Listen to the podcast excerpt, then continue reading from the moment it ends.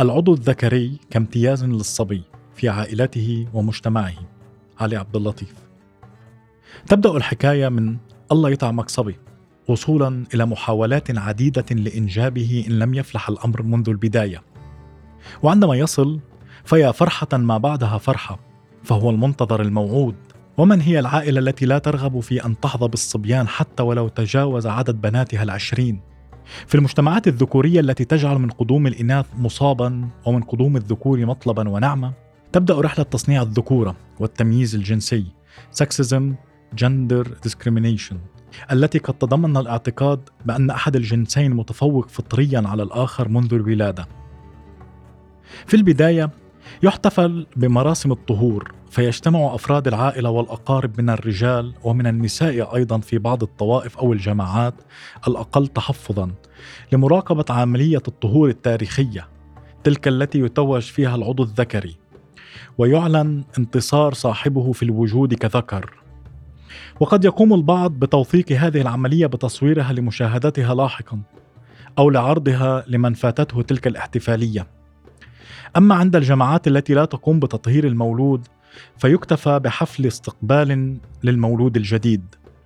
يترعرع الولد الصغير في كنف عائلته التي إذا ما أرادت التعبير عن حبها له تغنت بعضوه الذكري الحمامة والفرفورة والبتاع وغيرها من التسميات التي تستخدم للإشارة إلى العضو الذكري. ولكن يبقى للزبوره وقع خاص على مسامعي فهي كلمة الدلع المستخدمة في البيئة التي نشأت فيها. احدى بيئات الساحل السوري.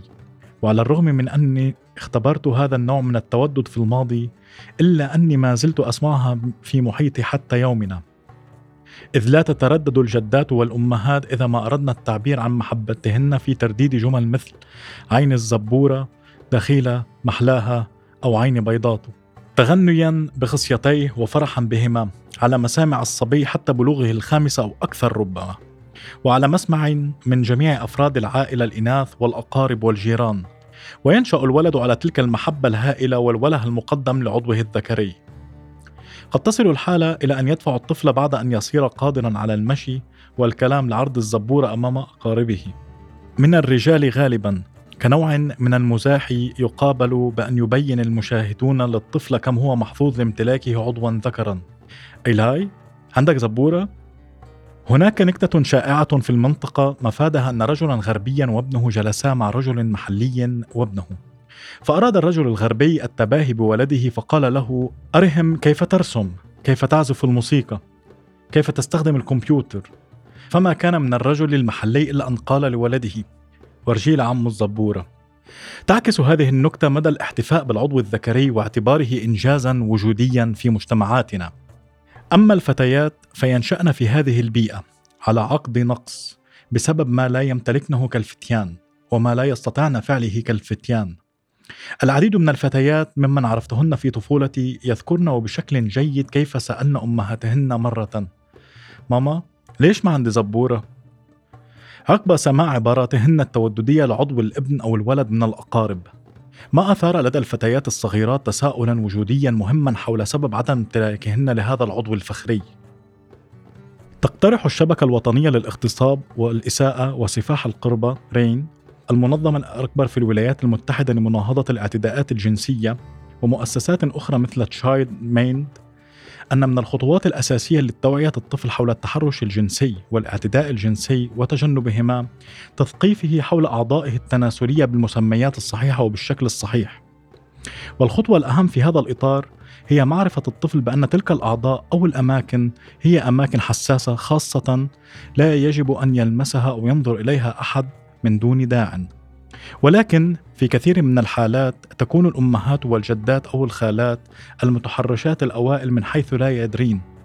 فهن لا يبرحن يمسكن عضو الطفل ويلعبن به أثناء توددهن للولد وتدليعه بالعبارات آنفة الذكر مبتعدات تمام الابتعاد عن الحفاظ على خصوصية هذه الأعضاء. ونتيجة لهذه الحالة الاعتيادية من عدم الاكتراث بموضوع خصوصية الأعضاء التناسلية ما زلت حتى الآن أشاهد الأطفال في البيئات الفقيرة وحتى الحضرية يلعبن عراة في الشارع أو أمام مدخل المنزل دون أن يكترث أهلهم بذلك.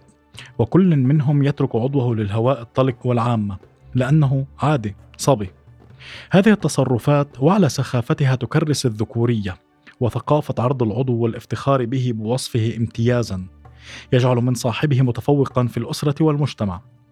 وتزرع ذلك في اللاوعي منذ الطفولة. وتتضافر معها السلوكيات التي تنتهجها المجتمعات الذكورية في الحط من شأن الإناث وتنميط أدوارهن الجندرية وغيرها من العوامل.